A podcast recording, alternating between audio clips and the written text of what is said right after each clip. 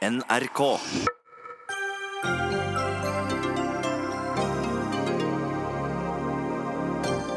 Ryktene om regionreformens død var betydelig overdrevet. I dag ble den fylt med innhold, og den nye inndelinga av Norge står ved lag.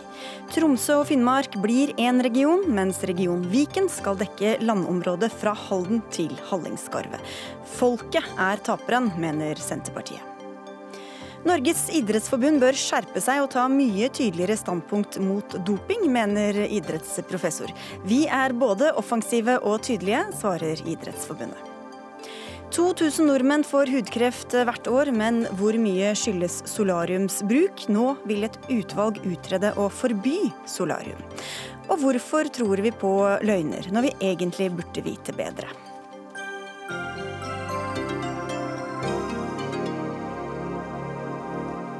Det er noen av spørsmålene vi stiller i dagens Dagsnytt 18. Jeg heter Sigrid Solund. Og Vi starter altså sendinga med den nye inndelinga av Norge, for i dag la de tre regjeringspartiene og Kristelig Folkeparti fram hvilke oppgaver de nye regionene skal få. Dermed er regionreformen spikret igjen, etter en del støy og uenighet. Og dette har bl.a. skyldtes at det har vært sådd tvil om hvorvidt dere støttet denne reformen. Kjell Ingolf Ropstad, du eh, sitter på Stortinget og er nestleder for Kristelig Folkeparti. Og For noen uker siden så sa du at oppgavene som fulgte med reformen, måtte forsvare disse strukturgrepene og størrelsen på regionene. Hva er det dere da har fått på plass nå som gjør at dere kan støtte denne reformen fullt og helt?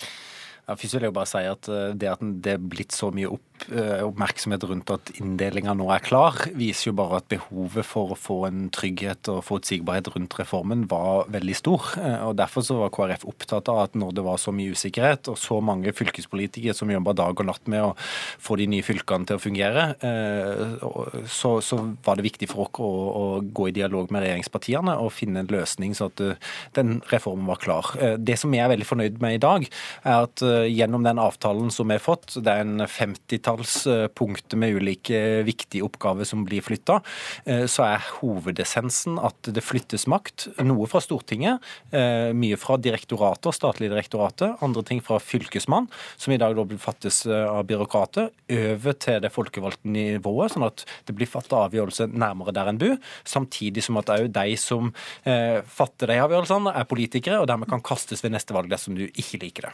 Og denne uroen som du beskriver, har ikke minst oppstått i Finnmark som ikke ønsket å slå seg sammen med Troms. Hva er det de får som gjør at du nå håper at de kan slå seg til ro med det som skal komme?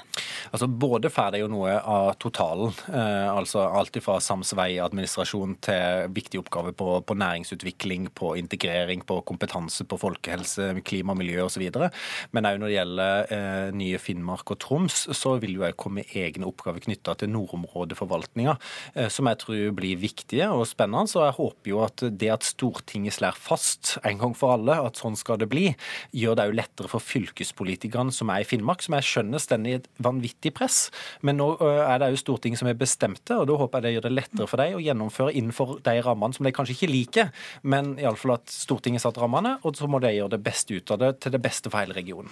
Vi kan jo høre med en av dem det gjelder. Tarjei Jensen Bech, du er varafylkesordfører i Finnmark og representerer Arbeiderpartiet. Hva gjør denne avklaringen som kom i dag, med synet deres på sammenslåinga? Nei, altså Vi er jo uh, utrolig uh, skuffa at uh, KrF har solgt Finnmark på bakrommet. Vi opplever jo det at Høyre, Fremskrittspartiet, KrF og Venstre ikke forstår Finnmark og finnmarkingene. Og vi har jo hatt ei folkeavstemning hvor 87% av befolkninga har sagt nei, så det kloke ville jo vært å, å lytte til demokratiet. og og eh, befolkninga i Finnmark. Jeg er redd for at dette kommer til å føre til en avmakt hos Finnmark. finnmarkinger. Men Betyr det at det innholdet, altså de oppgavene, ikke har noe som helst å si for hvordan det ser på eh, en sammenslåing?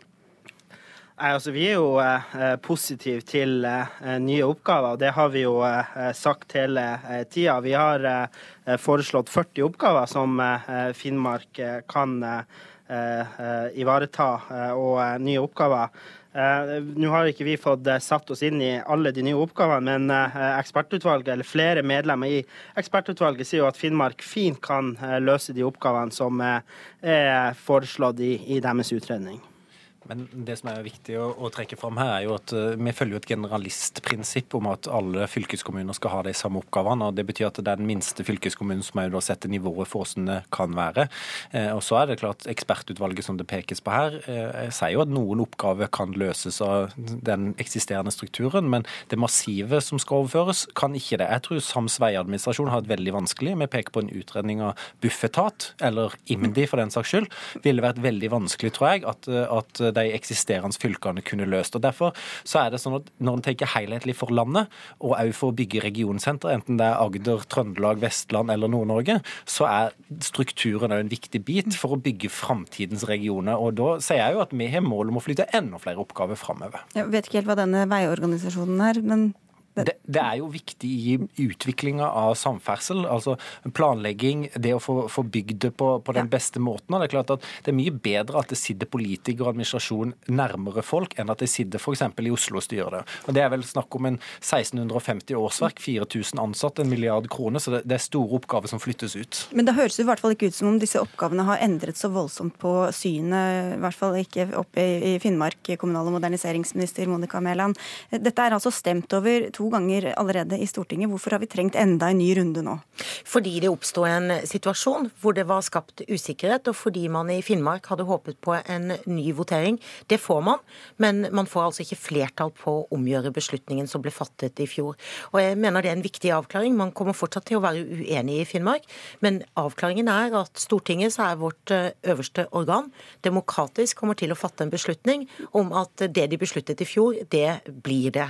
Og det må Finnmark Finnmark, og det må alle andre forholde seg til. Men de blir jo ikke noe mer begeistra for det likevel. Hvordan skal dere klare å få dem til å slå seg sammen? Men det er jo ikke alltid sånn at vi er begeistret når noen treffer en avgjørelse vi er uenig i. Men det er likevel slik at vi må forholde oss til det. Det spesielle i denne saken ville jo vært hvis Stortinget sa at vel, vel, hvis noen er uenig med oss, så lar vi være å gjøre det. Det er ikke et politisk system slik vi kjenner det. Og Derfor er denne avklaringen viktig. Nå vet Finnmark og Troms og alle de andre at arbeidet bør starte, slik at vi får gjennomført det vi skal før 1.1.2020. Men de hadde jo lagt ned det arbeidet. og så er spørsmålet da, hvordan skal du, Hvilke verktøy har du for å tvinge dem til å sette seg ved dette bordet og gjennomføre sammenslåingen? Nei, de har ikke lagt ned arbeidet, de har aldri begynt arbeidet. Og det er jo i håp om en omkamp. Nå får man altså ikke den, og da kan fylkestinget i Troms og i Finnmark på sitt møte i oktober peke ut medlemmer som kan gjøre arbeid i en fellesnemnd. Og det møtet skal jeg innkalle til. Bare legge til at Jeg har selv vært fylkespolitiker i Aust-Agder. Et fylke som òg hadde flertallet av befolkninga som ønska at det ikke skulle bli sammenslåing. og Det å være fylkespolitiker i en sånn situasjon er ikke enkelt. så Jeg skjønner veldig godt fylkespolitikerne i Finnmark. Når Stortinget har sagt sitt, så tror jeg det vil være lettere for dem å ta jobben videre. Når vi hører med Beck, da. Ja, altså Nå må vi jo eh, sette oss ned eh, i Finnmark og, og snu alle steiner eh, fram mot eh, Eh, Stortingets eh, behandling, men eh, vårt primærstandpunkt om at Finnmark må bestå som eget fylke, det står fortsatt ved lag. Ja, så dere vil fortsette å trenere så godt dere kan, eller skal dere ikke forholde dere til dette i det hele tatt? Nei, altså, Som jeg sier, så må vi nå sette oss ned og vurdere hva vi skal gjøre. Hva betyr det? Ja, nei, det betyr at vi må eh, sette oss ned og vurdere hva vi skal gjøre. Men, eh, men som sagt, vårt primærstandpunkt om at eh, Finnmark skal bestå som eget fylke, det står fortsatt ved lag. Ok, Så vi trenger litt betenkningstid, høres ut som der. Vibeke Limi, du er gruppeleder for Fremskrittspartiet i Akershus fylkeskommune. Og dere i det som skal bli den nye Viken-regionen, begynte jo da å røsle med sablene fordi at Troms og Finnmark fikk lagt hele saken eh, på is. Nå vet vi at dette skal gå som planlagt. Betyr det at dere slår dere til ro med det som ligger på bordet? Altså, Vi har jo slått oss til ro med det. Vi har jo fulgt Stortingets vedtak, og vi startet prosessen med en gang. Men det er klart at hvis man kunne sett på inndelingen en gang til, så var det mitt ønske. I og med at Viken-regionen er så stor. Og men, det er dere foreslår jo også å legge det i bero? Vi har foreslått å legge det i bero fordi vi visste at denne saken ville komme til Stortinget igjen. Og man kan ikke forutsi noe. Vi har ingen politistat i Norge som kan tvinge noen til å gjøre noe som helst. Og derfor så blir det faktisk fortsatt veldig spennende å se hva Finnmark kommer til å gjøre. Hva vil dere gjøre da? Hvordan påvirker dere dette dere? Nå må vi følge, bare følge opp eh, konstruktivt. Eh, nå har Stortinget bestemt dette, det er et forlik. Eh, regionreformen blir stående som den gjør. Og da er det ikke noe mer eh, jeg mener at det er naturlig å gjøre. Men jeg kommer til å følge med på Finnmark. så hvis Finnmark fortsatt vil eh, holde igjen, så kanskje dere vil holde igjen da, eller? Så, poenget er jo at spørsmålet er om dette er en god reform eller ikke. Men eh, jeg innrømmer det at det er inndelingen jeg syns er aller vanskeligst. At 1,2 millioner mennesker skal være så mye større. Og noen av forutsetningene som fortsatt ligger i det regjeringen har lagt frem i dag, det er større likhet, og det er det jo ikke. For vi er to og tre ganger større enn de andre. Jeg kan jo sitere din egen partifelle under pressekonferansen i dag. Ja, ja. Fremskrittspartiets Kari Kjønaas Kjos sa at regionreformen har vært en reform for effektivisering og desentralisering, for å styrke lokaldemokratiet, kutte byråkrati og redusere administrasjonsutgiftene. Hmm. Hva er det som ikke stemmer i det hun sa? Eh, dette er det regjeringen og Stortinget ønsker, men det er ikke det vi kan innfri på. For det er ingen, ingen incitamenter i dag som gjør at vi kan effektivisere. Vi har et stillingsvern. Eh, de 10 000 ansatte som jobber i fylkeskommunen i dag, de, er, eh, de har et stillingsvern i ti år. 9000 av dem er lærere. Dem skal vi i hvert fall ikke gjøre noe med. Og så forventer man at man skal kunne gjøre et kutt på nærmere 11 jeg skjønner ikke hvordan man skal gjøre det når man allerede har, har, fått gjennom et stillingsvern, og det har skjedd i alle tre fylkene. Det høres ut som du fortsatt har eh, Det er litt humper i veien fortsatt, Mellan? Mæland? Jo da, det kan godt være, men vi har fått en veldig viktig avklaring i dag. Denne regionreformen blir gjennomført, og det handler jo faktisk ikke om å fjerne verken Østfold eller Finnmark. Det handler om å lage nye fylkesadministrasjoner. Få nye oppgaver, få mer kompetente, mer robuste enheter som kan ta for seg de oppgavene oppgavene man har i dag, men også ta på seg nye. Og vi står overfor noen ganske store utfordringer i hele landet, knyttet f.eks. til kompetanse. Hvordan sørger vi for at vi utdanner eh, de personene som næringslivet vårt trenger både i dag og for fremtiden? Det blir en ny og viktig oppgave for fylkeskommunene i mye større grad enn det er i dag, og da trenger vi større fylkeskommuner. Vi har en fjerde eller femte person, nå er ikke helt tellingen her. Senterpartileder Trygve Slagsvold Vedum, dere sendte ut en pressemelding om at dette var tidenes sentralisering og en en enorm arroganse overfor folk. Hadde dere i det hele tatt lest innholdet i enigheten før dere forfattet den pressemeldingen? Ja, Når du ser enda dypere inn i det etterpå, så ser du at det er jo det er mye store ord. Det er pengeoverføringer Hva, hva var egentlig svaret på spørsmålet? Jo, vi hadde jo lest det som sto i media rundt det, og det var ganske rett gjengitt det som sto i media rundt det som også kom i pressekonferansen. Og så har man da valgt å overkjøre befolkningen helt voldsomt. Også I Finnmark, der jeg er nå, 87% sa nei. Og du hører jo også da i Viken er motstanden helt enorm. Østfold som fylke er større enn Møre og Romsdal. Eh, allikevel så måtte man tvinge Østfold til å slå seg sammen med Akershus og Buskerud. Så det har blitt så mye rare argumenter, og det er en dårlig løsning som kommer til å skape mer byråkrati, ikke mindre byråkrati. Og så tror jeg de fire eller fem som har sittet og forhandla fram den løsninga, har glemt hvordan Norge faktisk ser ut. Også fra Båtsfjord, der jeg er nå, til Sør-Troms er det 1000 km. Det er helt enorme avstander, og det kommer til å bli sentralisering. Men betyr det, eh, stille det samme spørsmålet til deg, da, at det som de har kommet fram til av oppgavefordeling, ikke har noe som helst å si for hvordan dere synes at denne reformen faktisk fungerer? Eller skal fungere? Ja, det, er helt riktig, det er helt riktig, for du ser jo de oppgavene som nå kommer, er mye mindre enn de oppgavene vi hadde før, som var en reell oppgave på sykehus. Her er det jo mye sånne intensjoner, det er utredninger, det er nye prosesser, det er delvis overføringer fra direktorater. Kunne de kommet med andre oppgaver som ville gjort at dere ville fått et mer positivt syn på denne reformen? Vi har vært tydelige på det hele veien, at du må lytte på folk. Og vi mener jo at denne Så da spiller det ingen rolle, egentlig? Nei, men det har vært en slags skinnargumentasjon fra regjeringa hele veien, og fra Venstre og KrF. For de har ikke hatt noen plan om å overføre så store, tunge oppgaver. For det, Tidligere så hadde jo f.eks. Finnmark sykehus var en mye større, en mye tyngre oppgave. Og de klarte å løse det godt også i små fylker.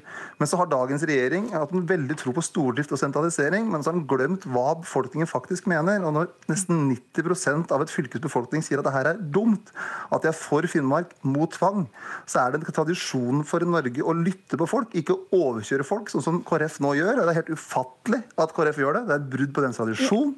Det er uansvarlig uansvarlig, og det kommer til å skape bare mer uro, og kampen er ikke over. Det som er helt ufattelig, er at Senterpartiet altså mener at det er helt frivillig å forholde seg til Stortinget. Det er helt frivillig å forholde seg til vedtak som Senterpartiet ikke er uenig i.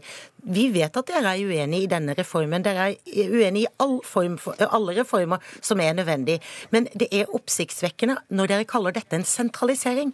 Vi flytter oppgaver fra departementene, fra direktoratene, fra fylkesmennene til fylkeskommunen. Demokratisk valgte fylkeskommuner.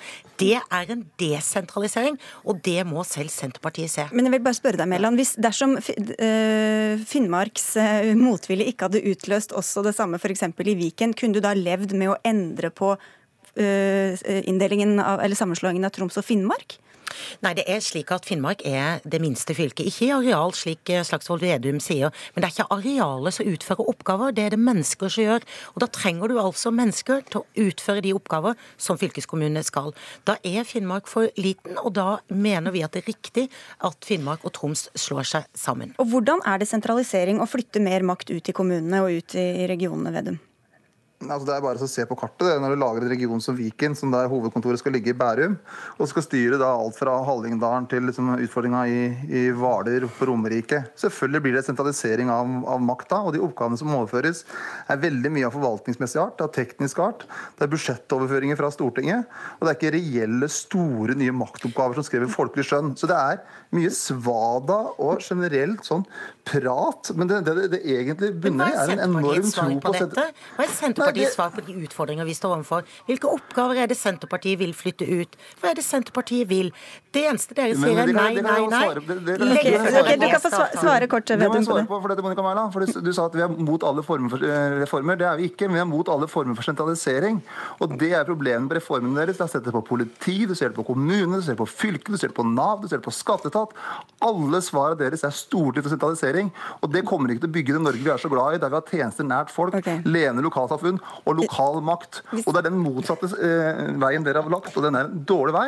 Og det kommer til å skaffe større forskjeller i Norge, ikke mindre. Vi skal få en lim på tampen her også. Nei, Jeg hadde bare lyst til å kommentere på Jeg, jeg må le litt av Vedum, jeg beklager. Fordi at Enda han er på din side? Nei, egentlig ikke. Han er ikke på min side. Fordi at jeg har prøvd å være litt positiv, kritisk til noen av de tingene man kunne gjøre bedre når man først stadfester en sånn reform. Og det er bl.a. at inndelingen kunne vært bedre. Og når man sier at vil vi gjøre fylkene mer robuste? Vi er veldig robuste. Akershus er kanskje det mest eh, robuste fylket i dette landet. Vi har de beste videregående skolene. Vi er kjempegode på kompetanse, også på omstilling eh, gjennom videreutdanning. Vi har de beste karakterene, og vi har lavest forfall. Eh, sånn at 87% i Akershus de kommer seg gjennom videregående skole. Okay. Og Det sier noe om at vi er robuste, og derfor så blir noe av dette litt store ord. Men jeg er veldig enig med regjeringen at dette er en mye mer helhetlig tilnærming, og det skal vi være veldig glad for. Men allikevel. Ja, skjønner. Du, men eh, Monica Mellen, jeg må bare prøve en siste gang. Kan du tvinge gjennom altså Nå skulle Finnmark tenke seg om litt, virket det som, men kan du tvinge dem til å slå seg sammen hvis de fortsatt ikke vil? Det er ikke jeg som tvinger Finnmark, det er Stortinget som gjør et vedtak. Jeg tror det er en god tradisjon vi har, at stortingsflertallet gjelder også når man er uenig. Og det er slik at 1.1.2020 så har vi en ny fylkeskommune på plass, og før det skal vi ha et valg. Ja, de og det må vi sørge for at skjer. Ja, men hvis, de, de, ja, de skal forholde seg til, men hva hvis de ikke gjør det? Hva hvis de fortsetter med den linja de har lagt seg på? Jeg spekulerer ikke så mye i hvis man ikke forholder seg til Stortinget. Det vil være en helt ny situasjon. Okay. Nå er Stortinget avklart hva som er flertallet. Det må alle vi forholde oss til. Da skal jeg spørre deg helt... Stortinget ennå. og det kommer til å bli votering i november, og da får vi se hvordan flertallet blir. Ja, vi får se, vi vet jo hvordan det blir da. Ropstad, fordi dere er jo med på, på laget her. Men helt på tampen her, da, du sa det litt innledningsvis. Kunne dere gjort ting litt annerledes for å få en litt annen uh, utvikling i prosessen her? Det er jo alltid lett å si etterpå at vi kunne gjort det annerledes. KrF ønsker jo at en hadde tatt oppgavene først. Jeg tror det kanskje kunne smørt prosessen litt lettere. Men, men samtidig så erkjenner jeg òg at det har vært forsøk to ganger før å flytte eller få gjennomføre en regionreform. Begge gangene har det stranda. Og ifølge lederen av ekspertutvalget så er det på grunn av at en ikke tatt strukturen først. Så nå er vi der vi er. Jeg er godt fornøyd og tror at dette vil være veldig positivt for å bygge regionsentrene. Og så får vi følge spent med på Finnmark og kanskje også Viken. Takk skal dere ha i hvert fall alle sammen. Kommunal- og moderniseringsminister Monica Mæland, Kjell Ingolf Ropstad fra Frp, Vibeke Lim... Nei, fra KrF, det skjer gang på gang, det der. Vibeke Limi fra Frp, Terjei Bekk-Jensen fra Finnmark Arbeiderparti og Trygve Slagsvold Vedum, Senterpartileder. Og så skal vi gå over til eh, våre venner eh, kommentatorene. Det er altså regjeringas støtteparti KrF som nå går inn og sørger for eh, flertall her. Det som er litt merkelig, er jo at de har gjort det egentlig hele veien, eller hva, Lars Nehru Sand, politisk kommentator i NRK? Ja, det er en sånn nyhetsdag hvor eh, det motsatte ville vært en, en større nyhet, men hvor det jo virkelig er en, en eh, avgjørende avklaring også. at at status quo i seg selv blir en nyhet, da, ved, ved, at det fortsatt er et stortingsflertall, både for å opprettholde kartet og at oppgavene da synes å være, eller i hvert fall bli, på plass når meldingen kommer som senere i oktober. Og så hørte vi fra Finnmark at ja, De hadde jo ikke noe veldig sånn klart svar på hva de kommer til å gjøre nå, men det har vært snakk om at Stortinget må vedta en egen lov for å slå sammen Finnmark og Troms. Må de det?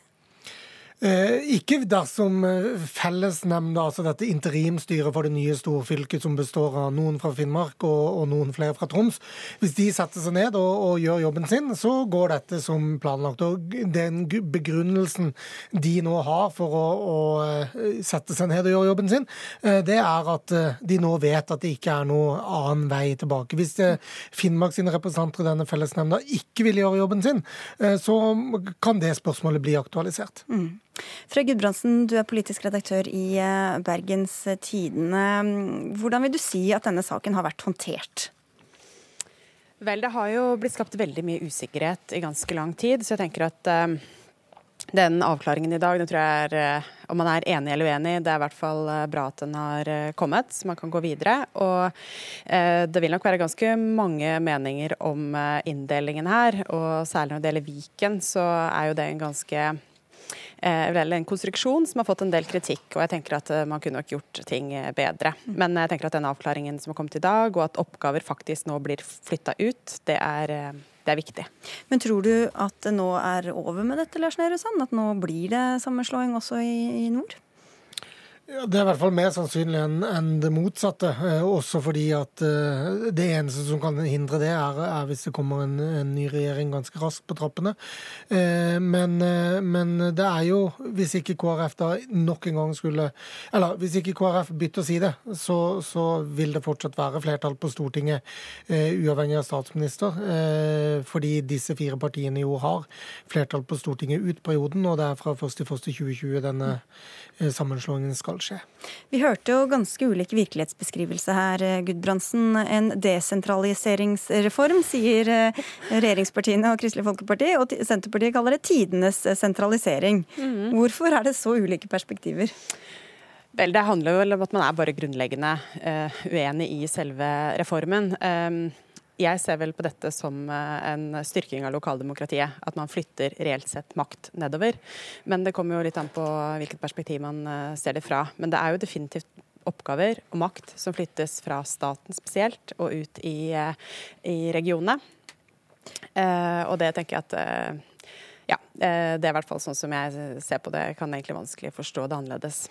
Det som også er litt pikant her, er jo at eh, dette, denne enigheten skjer samtidig som KrF eh, jobber med hvor, hvilket veivalg altså de skal ta. Om de skal skifte side, så å si, og, og mm, heller eh, orientere seg mot Arbeiderpartiet. I en bok som Knut Arild Hareide gir ut i morgen, så skryter han av Jonas Gahr Støre, samtidig som han har slått, slår fast at samarbeidet med regjeringa har vært utilfredsstillende for KrF. Hvordan tolker du dette som Hareide skriver, Gudbrandsen? Altså, hele boken hans, uh, som jeg har lest så fort jeg kunne i dag, da, det, uh, der skriver han egentlig at han foretrekker å samarbeide mot Venstre nå. Det er slik jeg tolker den. Han er misfornøyd med uh, borgerlig side. kommer ganske mye kritikk den veien, mens han skryter mye av, den andre siden. Særlig Arbeiderpartiet og Senterpartiet. Mm. og det er klart det er ikke sikkert han får partiet sitt med på dette, men dette er nok tydeligere kanskje enn jeg hadde forventa, selv om jeg var sikker, ganske sikker på at det ville helle den veien. Så sånn som jeg ser det, så peker han ut en, eh, en ganske ny retning for partiet sitt. Og da kan det være slutt på regionreformen også, sa det eh, Lars. Men hvordan tolker du det Hareide skriver? Men er òg eh, overraska over hvor, eh, i hvor forskjellige ordelag han, han eh, skriver om høyresiden, og, og, det han mener er mer individualitetsorientert høyreside, mot en mer fellesskapsorientert venstreside, hvor han mener at det er et sterkt og historisk verdifellesskap mellom kristenbevegelsen og arbeiderbevegelsen, f.eks.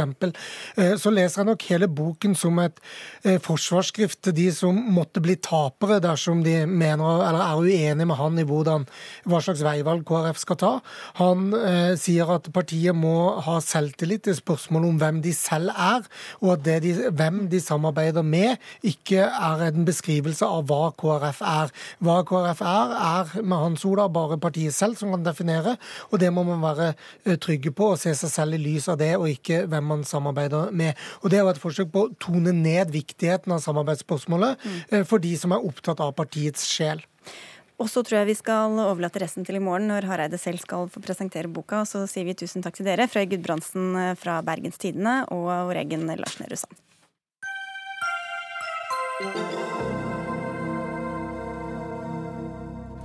For vi skal til USA, for like før vår sending meldte amerikanske medier om at visejustisminister Rod J. Rosenstein skal være ferdig i jobben. Ifølge nettstedet Axios skal Rosenstein muntlig ha sagt til Trumps stabssjef John Kelly at han ønsker å fratre stillingen sin før han blir sparket av president Donald Trump. Og USA-korrespondent Anders Magnus, hva ligger i alt dette? Nå er eh, sannsynligvis eh, Rod Rosenstein i Det hvite hus og snakker med John Kelly. Det er meldinger om at eh, han har tenkt å levere inn sin avskjedssøknad, men disse meldingene er ikke bekreftet. Det er også meldinger om at han fryktet å bli sparket av Trump, men det er heller ikke bekreftet at Trump ønsket å gjøre det konkret nå. Trump er jo her i New York. Men det har lenge vært klart at eh, Trump har vært misfornøyd med Møller-etterforskningen, som han kaller en heksejakt og mener er ulovlig. Og det er jo altså eh, visejustisminister Rod Rosenstein som, eh, over, som holder i denne etterforskningen. Han er sjefen til Mueller. Så, så, det er jo mange ting som er i spill her akkurat nå. Så hva kan det få å si for denne etterforskninga dersom han går av? Hvis eh, Trump får det som han vil, så kan eh, det bli utnevnt en ny visejustisminister som eh, kan avskjedige spesialetterforsker Mueller og trekke tilbake hans mandat. Da kan man risikere en lignende situasjon som man hadde under Nixon og Watergate-etterforskningen, hvor Nixon sparket spesialetterforskeren med den følge at eh, veldig mange i justisvesenet trakk seg. Vi kaller det den lørdagsnattmassakren. Eh, men Dette er for tidlig å si noe om nå, men det er eh, klart at her er det veldig sterke ting som er i spill nå. Og mange lurer på hvilke konsekvenser en eventuell avskjed fra Rosensteins side vil få for Møller-etterforskningen, og om republikanerne i så fall vil forsøke å få vedtatt noe i Senatet sammen med demokratene som, eh, eh, som støtter opp under Møller og hindrer at han blir sparket av Trump. Du følger med, Anders Magnus. Takk skal du ha for at du var med i Dagsnytt 18 også. Hør Dagsnytt 18 når du vil. Radio NRK.no. Norges idrettsforbund får kritikk for å være uklare i dopingspørsmålet. I forrige uke vedtok verdens antidopingbyrås styre WADA å slippe det russiske antidopingbyrået Rusada tilbake inn i varmen. Samme kveld kom Idrettsforbundets styre med en uttalelse den blir anklaget for å være en uklar støtte til kreftene som arbeidet for å fortsatt holde Rusada utenfor det gode selskap.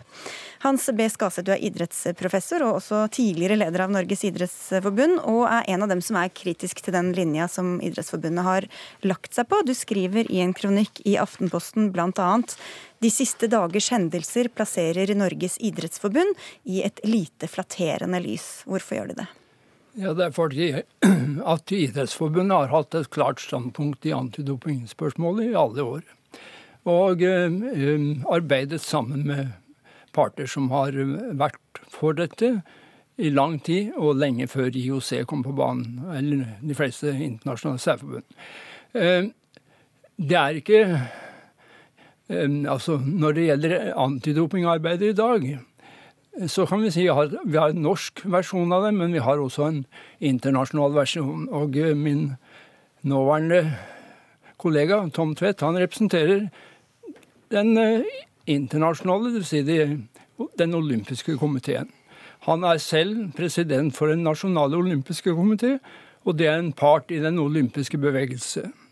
Og da må han forholde seg på den internasjonale planen i henhold til det, og derfor kom han ikke på banen i riktig tid den gangen. Nei, Så du mener at pga. dette vervet så ligger, er, er, hans rolle i Idrettsforbundet eller Idrettsforbundet som sådan også mer passive enn det de kanskje ellers ville vært? Idrettsforbundet er satt til side for de internasjonale interessene ved denne anledning.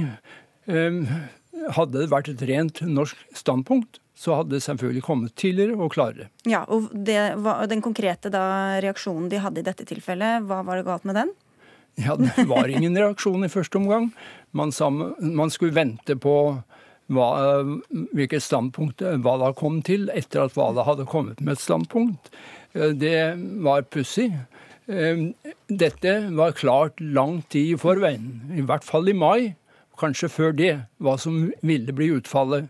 Og det så man bort ifra og ventet til siste liten, og kom altså ikke på banen i hele tatt. For lite og for seint, eh, Tom Tvedt. Du er altså president i eh, Norges idrettsforbund og også da representerer olympiske komiteen. Hvorfor eh, var dere ikke mer aktive? Det kan være at vi skulle vært eh, tydeligere med det standpunktet som vi har hatt hele veien, nemlig å stille oss bak det som heter veikartet, eh, som WADA har meisla ut, som òg tufter seg på den Maclaren-rapporten. Det er det som lå til grunn, og vi har da stilt oss bak det som ligger i veikartet, som WADA nå styret valgte eh, å endre på i sitt styremøte forrige torsdag. Eh, det ville jo eh, vært vanskelig for oss å gi et vedtak på en domsavsigelse, for det er jo det WADA har gjort. De har avsagt en dom at de tar Rusada inn. Og det ville jo vært vanskelig for oss å ikke basere et styrevedtak som jeg mener er helt klart og tydelig på at vi er helt uenig med den beslutningen som flertallet har gjort. Men vi hadde behov for å ha fakta for å finne eh, vår beslutningsgrunnlag på et enstemmig idrettsstyre som vi har gjort. Dette var ikke noen juridisk beslutning. Dette var politisk, en politisk beslutning i WADA. Det er jo alle klar over, og det burde Idrettsforbundet vært klar over for lengst. Vi har jo sett eh, oppspillet. Det var i mai at eh, vi hadde konflikten første gang. Og Tom Tvedt har et problem. og Det er det at han sitter i WADA på en nosenes side. altså på De nasjonale olympiske komiteer de er inkludert på IOCs side. Og Det er den siden han representerer. Og det er hans problem når han skal uttale seg i denne saken. fordi han er ikke fri i forhold til de forpliktelsene som ligger inne i det olympiske systemet. Men jeg kunne jo vært enig i eh, det som du sier nå. Men det er da vitterlig sånn at vi har hele veien stått bak veikartet. Det er WADA som har nå valgt å avvike fra det vedtaket som lå til grunn. Og Derfor har jo vi nå gått stikk imot IOC. Vi har gjort et veldig tydelig vedtak som ligger til grunn her. Og Dermed så kan du ikke påstå at vi sånn sett stiller oss bak IOC. Og så er, så er det jo også sånn denne konstruksjonen er veldig spesiell, for vi er jo en av få som både er olympisk, paralympisk og idrettsforbund. Og dette er jo eh, en modell som ikke minst du, Hans, har stått bak og, og, sagt det har vært veldig viktig at vi har klart å konstruere dette tilbake i tid. Du, vi skal bare ta inn en tredjeperson her også. Esten Aasæter, sportskommentator i Dagbladet. Du har også vært kritisk til denne håndteringa. Hva mener du det eh, er et symptom på eh, at de da var litt for seint ute? Eh, jeg syns jo at det er eh, veldig trist at eh, norsk idrett ikke står på de verdiene jeg er helt trygg på at norsk idrett har. Og her hadde man mulighet til å komme inn i en stor internasjonal diskusjon.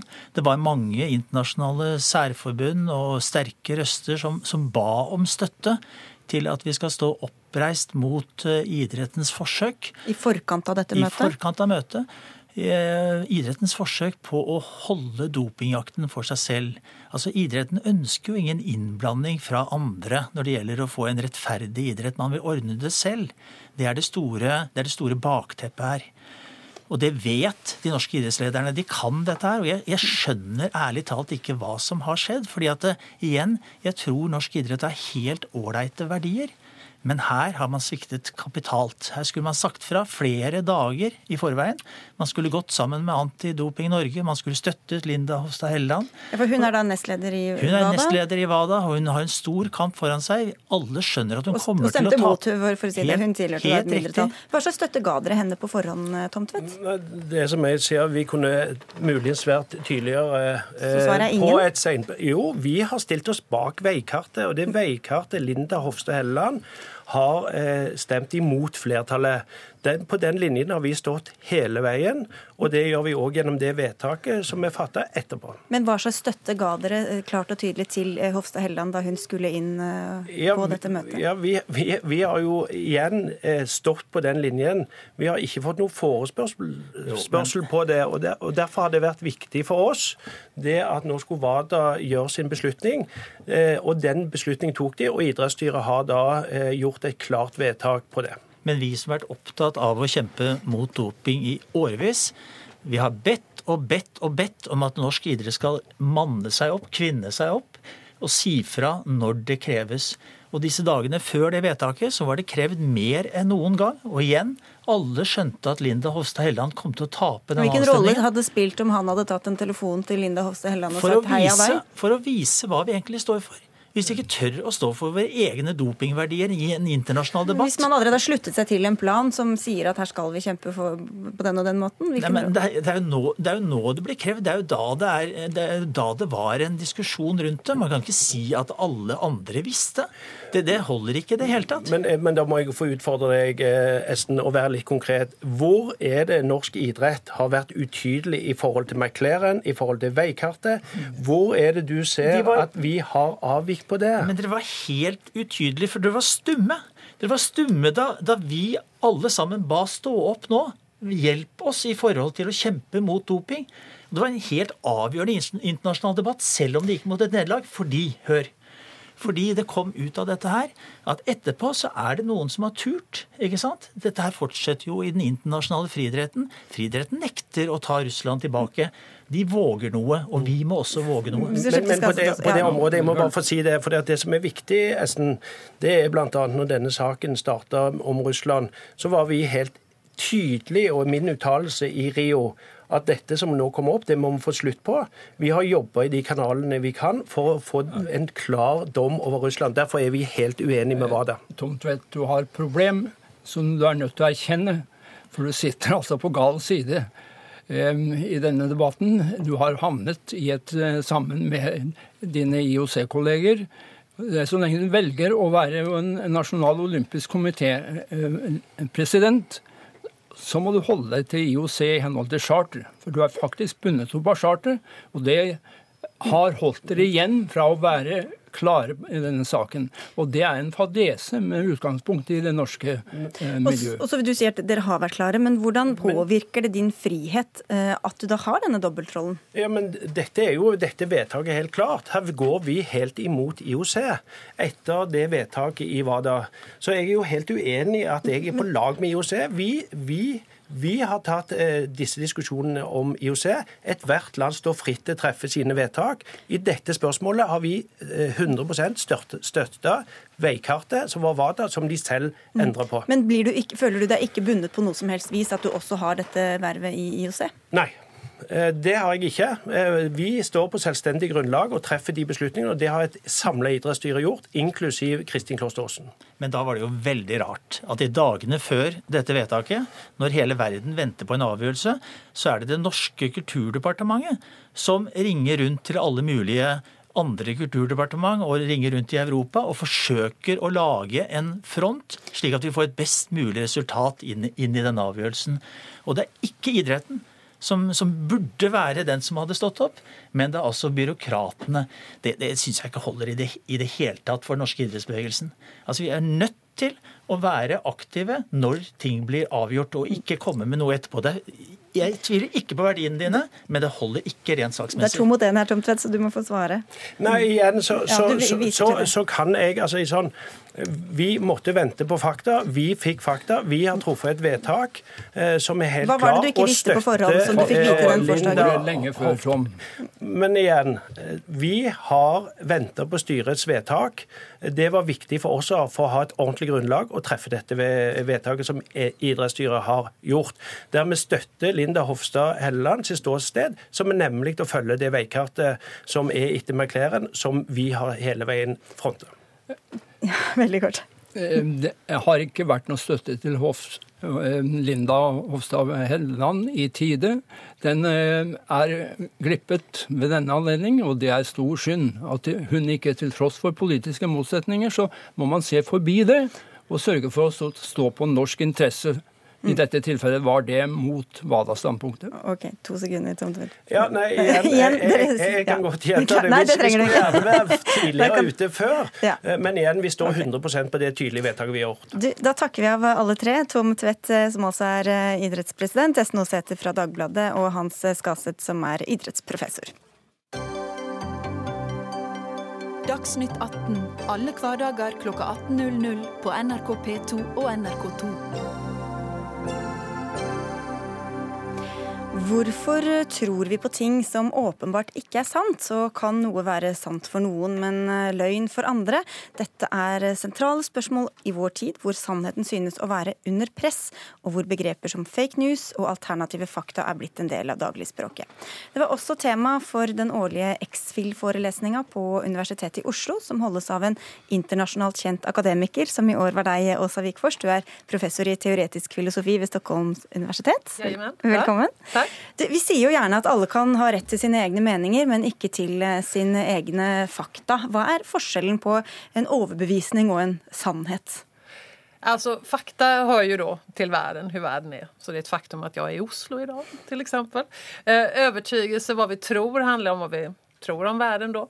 Eh, ibland så tror vi saker som stämmer med fakta. Da har vi sanna övertygelser. Om vi också dessutom har goda skäl för det vi tror, da har vi kunskap. Eh, men det svåra er jo at inifrån så kan det ju kännas som man har kunskap når man ikke har det. For man kjenner så starkt at det her tror jeg, så her måste det vara. Fast det är falskt.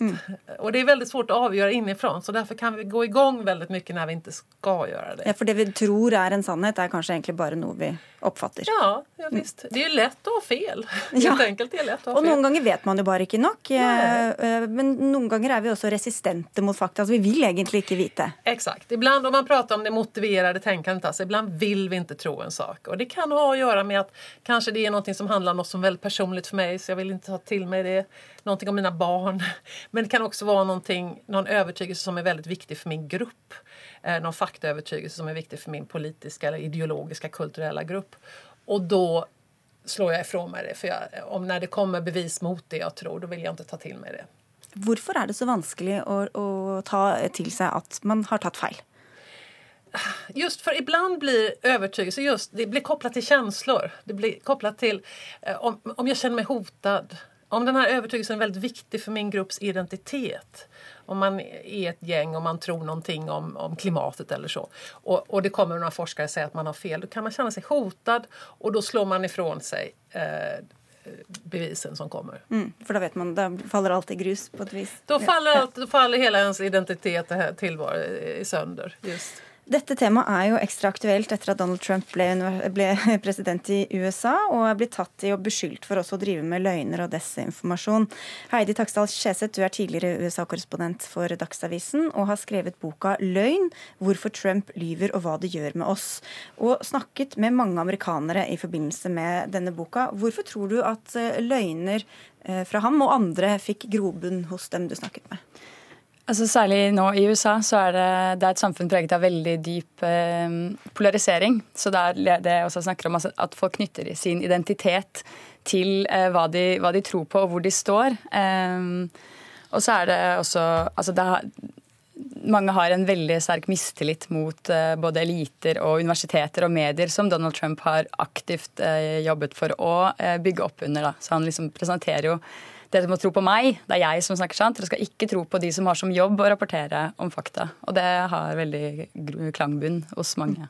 Og så Du beskriver hvordan han begynte da sin vei til presidentskapet gjennom en løgn som mange husker veldig godt, nemlig den om eh, fødselsattesten til Barack Obama og hvor han egentlig var født. Mm. Hva skjedde der? Ja, Det var, tok, altså det var en, uh, en, løgn, en usannhet, som dukket opp først i 2008 eh, hos, tror man, noen Hillary Clinton-tilhengere, men da ikke hos, fra Hillary Clinton, sånn som Trump eh, selv påstår. Eh, og så tok Trump opp tråden i 2011 og har begynt å bare promotere den eh, veldig på Twitter. Eh, og gjentatt og gjentatt, gjentatt at Barack Obama da ikke er en legitim president. For å kunne bli president i USA, så må du være født på amerikansk jord. Eh, og den eh, traff eh, Det var mange som følte seg litt ukomfortable med en svart president, eh, som tenkte at ja, OK. Ja, ok, Men han er ikke legitim. Det, det, stemmer, det, stemmer, med kanskje den følelsen av at et eller annet ikke helt eh, er som det skal være. Så han fikk et stort flertall av republikanerne trodde på den løgnen. Og i dag, eller den siste mm, målingen jeg så, fra 2017, da er det mellom 40 og 50% av republikanere som fortsatt sier at Obama neppe er født i USA. Hvorfor blir da sånne tilbakeviste løgner så gjenstridige, eh, Vikfors? Jo, for at de blir just viktige for, för den världssyn man har. De, det kan jo også være så at de stemmer veldig vel med den bild man har förut av verden. Då. Och den bilden kan jo sin tur være grundad på, på felaktigheter som man fått til seg. Og da er man veldig mottaglig for ytterligere felaktigheter. Så det blir lett en ond cirkel der. Hva er det ved det amerikanske samfunnet som du beskriver at, uh, som gjør at uh, sånne løgner lettere spres enn en f.eks. her i Skandinavia? Jeg tror det har mye å gjøre med det jeg nevnte i stad, med den store altså Det er så delt at man har valgt side allerede. Eh, og at det ikke finnes på en måte noe Det finnes ikke et sentrum Eller det finnes selvfølgelig et sentrum, men du har et topartisystem. Eh, og du har altså og du ser også en økt mistillit mellom tilhengere. Altså demokrater er i større grad redd for eh, republikanerne, og republikanerne er redd for hva demokratene skal finne på. Og da blir det en veldig sånn eh, kamp mot hverandre, og det handler om meninger og ikke om fakta eh, så mye. Men så har det også vært altså Mange sier at dette har vært noe som preget det amerikanske samfunnet i mange, mange, mange år. Og eh, altså På 60-tallet så kom det en bok som heter Anti-Intellectualism Anti in American Life, som vant Pulitzer-prisen, som viser liksom at det er noe med kulturen der òg, da. Men vi har jo sett det også under totalitære regimer, at uh, de, de, folk driver med bevisst desinformasjon. Hva er det som er nytt i dag som gjør at dette uh, Vi snakker så mye om det? Alltså det som er nytt, er naturligvis den nye informasjonssituasjonen der hvem som helst kan sprida hva som helst overalt. Og ikke bare det, utan där vi som individer då kan välja våra egna källor mye mer enn vad vi kunde förut. Jag menar, inte så lenge siden i Sverige hadde vi två tv-kanaler og noen tidningar och sådär. Nu finns det et oändligt utbud. Og når det valet faller på oss, da går vi igång på våre känslor, da har vi våra såna här, vi vil bekräfta det vi redan tror. Det blir skevt det val vi gjør da, og da späds det på. Og så er det jo en del som kaller seg for eh, de er skeptikere. ikke sant? Innvandringsskepsis, eh, klimaskepsis osv. Skepsis er jo egentlig et positivt begrep da i, i, vitenskapen. Men hvordan, det dette, hvordan henger den folkelige skepsisen sammen med den vitenskapelige skepsisen? Altså Et bedre ord er fornekelse, just. Va? Skepsis det er at det var, var kritisk innstilt, titte på grunner, fundere på om man har sjel til noe. Eh, den här förnekelsen går ut på att bara helt slå allting ifrån sig. Va? Att inte ta några grunder på allvar, att ifrågasätta forskare, expertis och sådär. Det är inte ett vetenskapligt sätt att arbeta då. Det är någon slags parodi på det vetenskapliga sättet att arbeta. Du skriver, eh, Taksdal Skjeseth, at um, løgnene eh, er ekstra farlige fordi man blir apatisk av det. Ikke, man, det vekker ikke stridslyst, det vekker apati. Mm, og det er nettopp derfor eh, ja, det er nettopp derfor det er så farlig. fordi hvis du ikke orker å ta stilling, hvis du får så mye desinformasjon, eh, hvis du altså Noen sier Trump lyver, andre sier Obama lyver. At, at ikke du mister på en måte mm, troen på at du selv kan evaluere hva som er sant og ikke sant. Dette er også en autoritær strategi som er blitt brukt eh, ofte eh, opp gjennom eh, historien. Eh, og jeg har, også møtt, har også møtt mange amerikanere som sier altså Jeg har spurt f.eks. om de tror Obama er født i USA, og så sier de litt sånn jeg jeg vet ikke. Hvordan, jeg, hvilke forutsetninger har jeg for mm. å kunne si det? Det er jo så mange som sier så mye.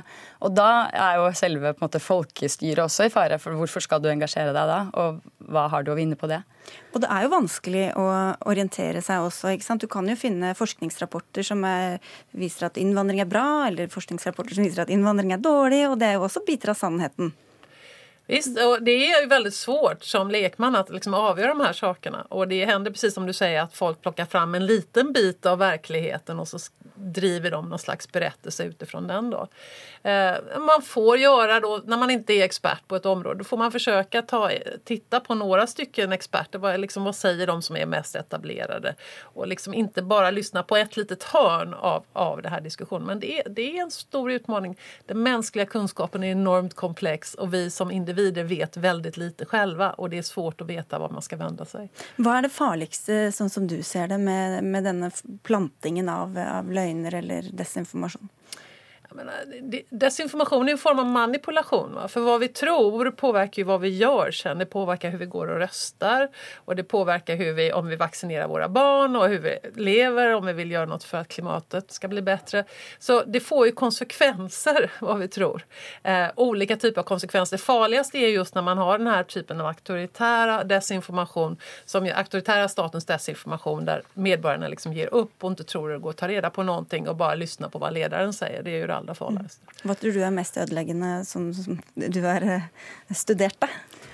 Altså jeg tror det, ja, det vi nevnte om, om apati, eh, mm. at man ikke, ikke, orker eller klarer å eh, evaluere informasjonen selv. Og det er jo også litt også fordi altså, det ble nevnt eh, eh, kommunikasjonsform og internett. Altså man blir lyttes veldig lett på følelser. ikke sant? At du ser et eller annet som gjør deg opprørt eller, eller sint, eller eh, moralsk forarget eller veldig glad. Eh, at det er første reaksjon. Eh, og så glemmer man kanskje å eh, gå, gå, i dybden og se hva det faktisk handler om. Mm. Og så kan vi slutte å tro på institusjonene, Vikfors. Ja, det är ju väldigt, väldigt farligt därför att vår kunskap, vi, vi, behöver våra så att säga. Vi behöver tro på universiteten och på, på seriösa medier men också på andra demokratiska institutioner som rättsväsen och sådär. När tilltron undermineras till dem, stå, står ju demokratin på väldigt skakig grund. Så et forsvar for oss tre, da, egentlig. Ja, Takk skal dere ha for at dere kom til Dagsnytt 18. Åsa Wikfors, som altså er professor i teoretisk filosofi ved Stockholm universitet, og Heidi Taksdal Skjeseth, journalist og forfatter.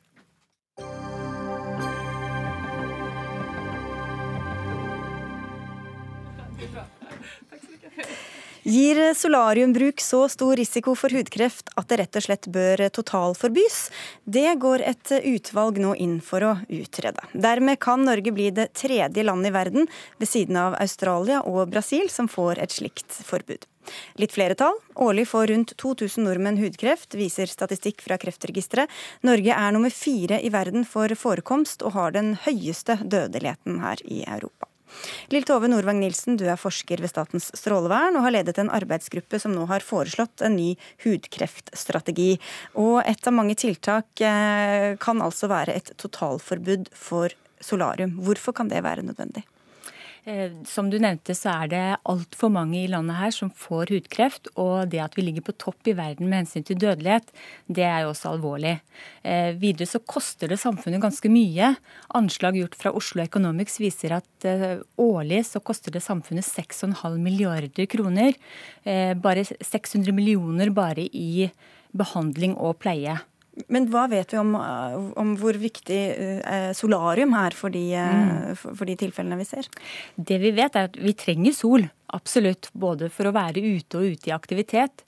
Eh, samtidig vet vi at UV-stråling fra sol først og fremst, men også solarier, forårsaker, eller er den viktigste årsaken til hudkreft. Da skal vi høre med deg, Ronny Rath Pedersen. Pedersen. Du er formann i Solarieforeningen, som altså organiserer en rekke av landets solstudier. Det er vel ikke noe sjokk at dere er negative til dette, men hvorfor mener du det er så dumt? Jo, For det første så er det mange feil i det som eh, Norvang Nilsen her sier. Vi har tidlig påpekt at hele denne prosessen i forhold til arbeid, denne arbeidsgruppen til utarbeidelse av nasjonal UV- og hudkreftstrategi har store mangler. Vi hadde tillit til å representere Norge internasjonalt i Senelec når det skulle utarbeides en hel ny servicestandard for hele Europa. Og vi har også meldt vår interesse for å være med i arbeidsgruppen. Vi så veldig tidlig at det var veldig eh, ensformet. Det var eh, dårlige forslag som kom, og det manglet rot i den vitenskapelige virkelighet. Ja, Hvorfor fikk ikke de være med? Eh, arbeidsgruppen den består av myndigheter som har virkemidler som støtter arbeidet. Så er Solarieforeningen, på linje med flere andre frivillige organisasjoner, men også fagetater, invitert til å delta i en referansegruppe. Ja, Kreftforeningen f.eks. var heller ikke med. Nei. Nei. Hva er det dere vet uh, av uh, hvor, hvor, lite helseskadelig dette er, Pedersen, som uh, forskerne og også Verdens helseorganisasjon ikke har fått med seg? Ja, nå må vi si det at det er jo ikke riktig at vitenskapelig verden og forskerne vet noe ikke vi vet. Vi kan se på den tilgjengelige forskningen som er, så viser den snarere tvert imot at det å ta solarium, det er faktisk helsebringende. Senest nå i januar så kom det ut en stor rapport fra elleve av de fremste dermatologiske avdelinger og ledende sykehus i verden, som sier entydig at det er ingen dokumentasjon på at solarier er eh, kreftfremkallende. Den nederlandske helseministeren spurte sitt øverste helseutvalg, kom til samme konklusjon. De sa faktisk at solarium hadde eh, tidvis en kreftforebyggende effekt. Og når det nå også er avdekket at dette eh, 75 %-tallet, at det er økt risiko for at man får føflekkreft ved å begynne i tidlig alder, også er tilbakevist, så faller hele grunnlaget egentlig bort for det som denne arbeidsgruppen har gjort. I England okay, vi, vi, ja, Jeg skjønner du har en lang liste, kan jeg høre på et svar fra Nilsen her? Eh, jeg hører hva han sier, men, eh, men, vi støtter oss på Verdens helseorganisasjon og Kreftinstituttet deres og flere store studier som viser at jo, det er en sammenheng. Også et stort norsk studie viser at de som har tatt solarium, blir diagnostisert med føflekkreft to år før de som ikke hadde brukt solarium. Og det er flere andre studier som støtter opp under det. Det han viser til fra den nederlandske, det er en ganske gammel, eh, gammel utredning.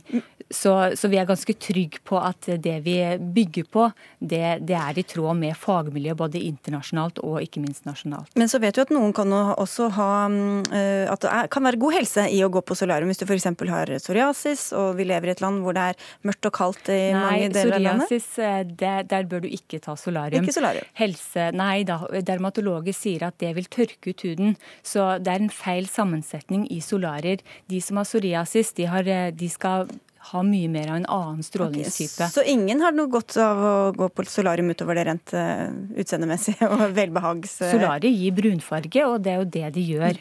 Så noen andre helseeffekter, det, det er det ikke vist. Da må du gå over i selvbruningsbransjen heller, Pedersen.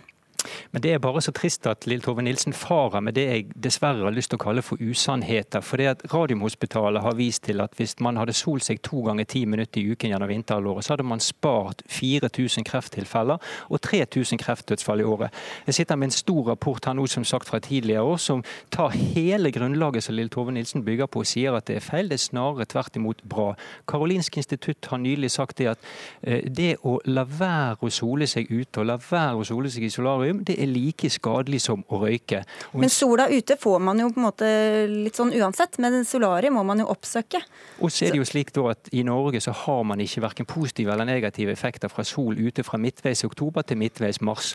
Og Det er da man sier at ok, da skal man eh, nytte de positive effektene man har ved solarium. Og det aller tristeste oppi dette her er jo det at diskusjonen foregår på dette nivået istedenfor å kunne hatt en god, fornuftig dialog for å få best mulig folkehelse ut av at folk soler ute og inne. Ok, Er det det samme om man får sol eller om man får solarium, med tanke på de helsemessige effektene? Først og fremst må vi ta tak i sola. Der, der, trenger vi jo den. Vi må ha det for mange årsaker. Men eh, vi trenger ikke for mye av eh, verken sol eller solarier. Og solforbrenning er én årsak som vi vet øker risikoen for hudkreft. Eh, så ser vi at solarier utgjør en helt selvstendig risikofaktor som eh, vi ikke trenger. Når det er snakk om D-vitamin, så kan vi jo få det helt trygt gjennom kosten og tilskudd. Men det er jo sånn at eh, et forbud er jo et ganske sterkt virkemiddel. Vi vet jo om ganske mange. altså Hvis du drikker alkohol, hvis du spiser frityrmat, hvis du ikke spiser grønnsaker. Det er ganske mange grunner til at man eh, kan få kreft, eller i hvert fall at noen sammenhenger. Mm. Så da kan man jo like gjerne forby alt. Det, arbeidsgruppen foreslår å utrede et forbud, og det er på linje med anbefalinger som lå til grunn før denne arbeidsgruppen ble opprettet, fra en rapport fra Folkehelseinstituttet. Og Verdens helseorganisasjon har gått ut og anbefalt alle sine medlemsland å se på eh, et slikt forbud. Så, så, det er eh, noe som ikke vi har funnet på, men som ligger eh, i hele verden. Og Tidligere har du hatt politikerne med deg, Pedersen. Du kan få ti sekunder på, på slutten her. Ja da, og Vi har også tillit til at eh, når dette nå kommer opp i det politiske system, så vil eh, vår dokumentasjon av fakta veie tyngre enn disse upresise påstandene fra okay, Nilsen. Jeg. Vi må avslutte der før det starter på nytt her. Takk skal du ha i hvert fall for at du var med oss fra Bergen, Ronny Rath Pedersen fra Solarieforeningen, og tusen takk også til deg, Lill Tove Nordvang Nilsen fra Statens strålevern. Dagsnytt 18 er slutt for i dag. Det var Jaran Ree Mikkelsen som var ansvarlig for sendinga. Erik Sandbråten hadde det tekniske ansvaret. Jeg heter Sigrid Solund, og Dagsnytt 18 er tilbake i morgen.